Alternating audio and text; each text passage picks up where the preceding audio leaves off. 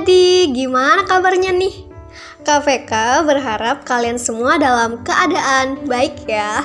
KVK seneng banget bisa kembali hadir menyapa kalian dalam program Renungan Harian Audio Cerdas Berpikir, edisi kisah-kisah dan tokoh-tokoh dalam Alkitab.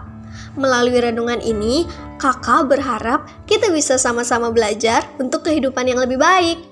Oke, kemarin kan kalian sudah sampai pada pembahasan tentang tidak turun hujan di tanah Israel selama beberapa tahun. Sekarang, KVK mau ngelanjutin pembahasannya. Jadi, pas hukuman tersebut diberikan kepada orang Israel, Elia pergi ke tepi sungai Kerit untuk tinggal di sana. Setelah beberapa waktu lamanya, air sungai itu pun mulai kering. Namanya juga nggak turun hujan beberapa waktu. Ya lama-lama air sungainya jadi kering kan? Di dalam satu Raja-Raja pasal 17 ayat 9 mengisahkan begini. Bersiaplah pergi ke Sarfat yang termasuk wilayah Sidon, dan diamlah di sana. Ketahuilah, aku telah memerintahkan seorang janda untuk memberi engkau makan. Menarik juga ya adik-adik. Satu Raja-Raja pasal 17 ayat 10 sampai dengan 14 melanjutkan kisahnya begini. Sesudah itu, ia bersiap pergi ke Sarfat. Setelah ia sampai ke pintu gerbang kota itu, tampaklah di sana seorang janda sedang mengumpulkan kayu api. Ia berseru kepada perempuan itu, katanya, "Cobalah ambil bagiku sedikit air dalam kendi supaya aku minum." Ketika perempuan itu pergi mengambilnya, ia berseru lagi, "Cobalah ambil juga bagiku sepotong roti." Perempuan itu menjawab, "Demi Tuhan Alamu yang hidup, sesungguhnya tidak ada roti padaku sedikit pun, kecuali segenggam tepung dalam tempayan dan sedikit minyak dalam buli-buli.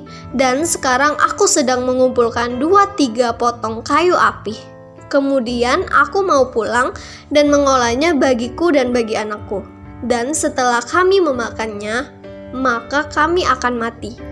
Tetapi Elia berkata kepadanya, "Janganlah takut, pulanglah, buatlah seperti yang kau katakan. Tetapi buatlah lebih dahulu bagiku sepotong roti bundar kecil daripadanya dan bawalah kepadaku. Kemudian barulah kau buat bagimu dan bagi anakmu. Sebab beginilah firman Tuhan Allah Israel." Tepung dalam tempayan itu tidak akan habis, dan minyak dalam buli-buli itu pun tidak akan berkurang sampai pada waktu Tuhan memberi hujan ke atas muka bumi. Janda tersebut melakukan seperti apa yang dikatakan oleh Elia, dan benar aja itu semua terjadi. Tepung dan tempayan tidak habis, dan minyak dalam buli-buli tidak berkurang. Hmm, ajaib banget ya! Begitulah, kalau Tuhan sudah bekerja, kadang kayak gak masuk akal gitu kan? Kisah ini gak dimaksudkan supaya kita punya pemikiran bahwa kalau kita memberi termasuk memberi kepada kaum rohaniwan, maka Tuhan pasti memberkati kita secara berlimpah-limpah. Gak kayak gitu ya adik-adik, apalagi sampai kita berdoa, kurang lebih kayak gini. Tuhan, aku sudah kasih persembahan kepadamu. Aku percaya Tuhan akan kembalikan dua kali lipat, sepuluh kali lipat, bahkan berlipat kali ganda. Itu sih keliru ya. Lagian dengan kita bisa kasih persembahan aja, itu udah merupakan berkat yang luar biasa loh. Kisah ini ditulis secara apa adanya.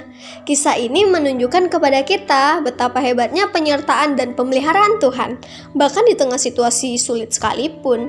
Bayangin aja adik-adik, waktu itu adalah musim kekeringan panjang dan perbekalan makanan janda Sarfat tersebut hanya tinggal sedikit banget. Tetapi ternyata Tuhan memelihara secara luar biasa. Adik-adik, kisah janda di Sarfat ini mengajarkan betapa besarnya penyertaan dan pemeliharaan Tuhan dalam hidup kita. Apalagi di situasi pandemi kayak gini. Kakak sih nggak tahu ya sesulit apa situasi adik-adik dan keluarga adik-adik sekarang. Tapi dengan penuh kerendahan hati, kakak mau ingatkan bahwa Tuhan itu ada. Dia nggak pernah sedikit pun tidak mengawasi kita. Dia selalu menyertai kita. Mari kita sama-sama meyakini penyertaan Tuhan. Gak harus spektakuler, walaupun sangat sederhana. Keajaiban dari Tuhan sudah lebih dari cukup. Sementara itu, kita harus melakukan bagian kita dengan semaksimal mungkin ya adik-adik.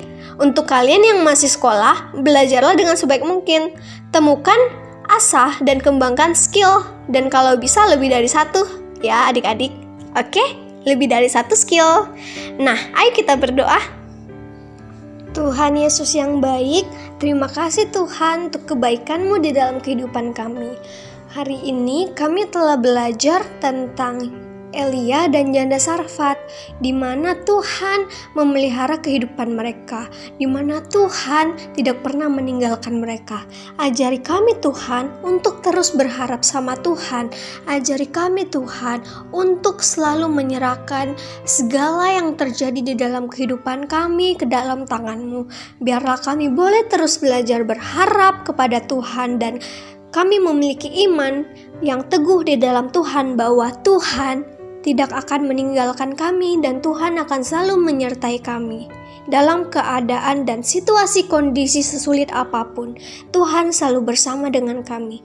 Terima kasih Tuhan Yesus yang baik, kami telah selesai berdoa dan mengucap syukur. Haleluya. Amin. Oke, KVK undur diri dulu ya adik-adik. Tetap sehat, tetap semangat, dan tetap jadi berkat. Jangan lupa bahagia ya adik-adik. Tuhan Yesus memberkati. Dadah.